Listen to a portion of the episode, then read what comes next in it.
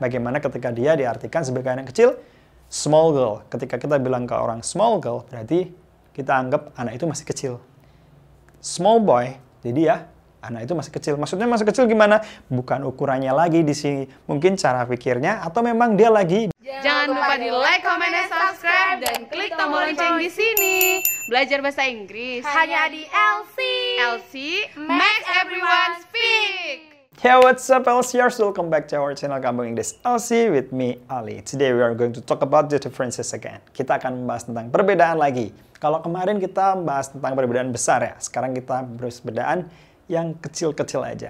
Kecil itu dalam bahasa Inggris sebenarnya banyak sekali, tapi kita akan bahas tiga saja. Yang pertama yaitu small, yang kedua adalah little, atau biasa diucapkan dengan little. Nah, yang ketiga adalah tiny. Sebenarnya mereka itu multiple meaning. Multiple meaning itu maksudnya gini guys, nggak selalu dalam konteks tertentu artinya cuma kecil aja. Tapi kita di sini khusus dalam materi video ini kita akan bahas ketika mereka berarti kecil. Yuk, kita ke poin yang pertama, yaitu small.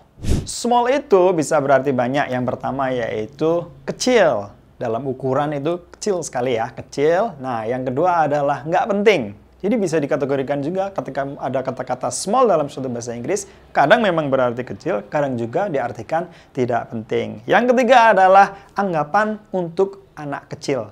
Nah, kita langsung ke contoh aja bagaimana sih untuk yang kecil. Kecil berupa ukuran. Ya, umumnya kalau kita lihat itu kecil daripada perbandingan yang lain, kita ucapkan aja kecil. Contohnya kayak small house.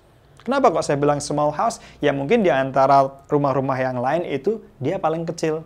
Nah, karena berdasarkan ukurannya, jadi kita bisa ucapkan kecil. Nah, bagaimana ketika small berarti tidak penting? Contohnya kayak small talk, basa-basi. Jadi ngobrol aja, tapi bukan omongannya yang kecil bukan, tapi maknanya adalah dia nggak penting.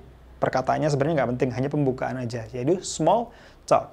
Atau dengan contoh yang lain yaitu small change. Small change itu nggak selalu berarti kembalian atau uang receh, tapi kita bisa ungkapkan itu bahwa ya uang sepele lah, uang kecil gitu aja ya, uang nggak penting, nggak nggak begitu penting. Nah, biasanya untuk pengamen, nah kayak gitu. Walaupun kita bisa ucapkan dengan kata-kata lain, koin atau apa, tapi small change juga cukup mengilustrasikan bahwa itu bisa uang receh atau uang kecil. Nah, bagaimana ketika dia diartikan sebagai anak kecil?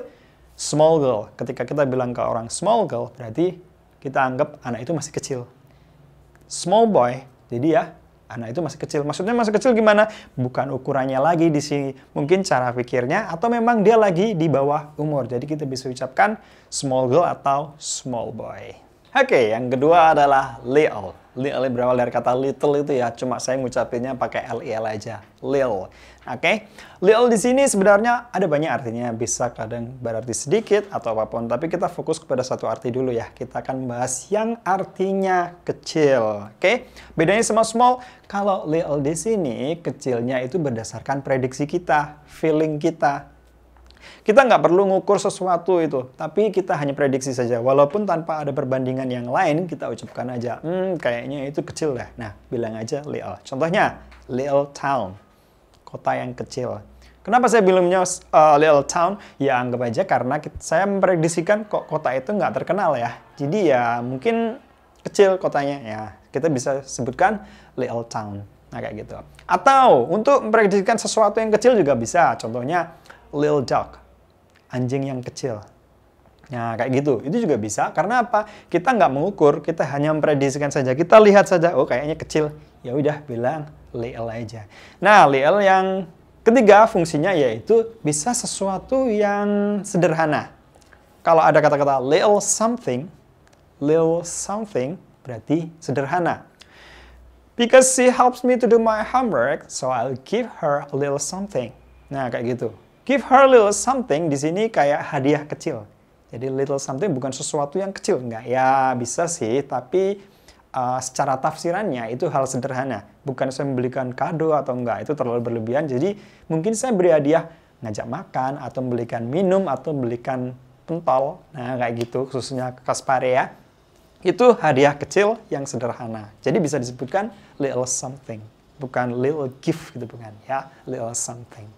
Itu perbedaan antara little dan small. Ketiga, yaitu tiny. Dari small tadi, tiny itu yang paling kecil. Maksudnya paling kecil apa? Tiny itu extremely small. Walaupun kadang orang-orang mengucapkan ke seseorang ya, tiny girl.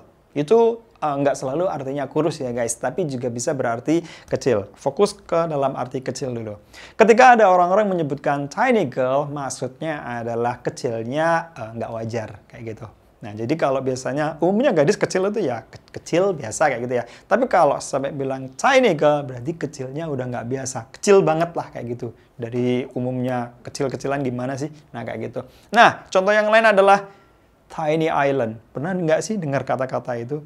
Umumnya kayak small island ya. Ya, small island itu kalau memang berdasarkan ukuran, dia diucapkan kecil, bisa juga. Tapi kalau sampai ada ucapan tiny island, berarti itu biasanya pulau itu ya kecilnya segitu-gitu aja. Tapi kalau ada yang paling kecil lagi, kita bisa sebut itu tiny island.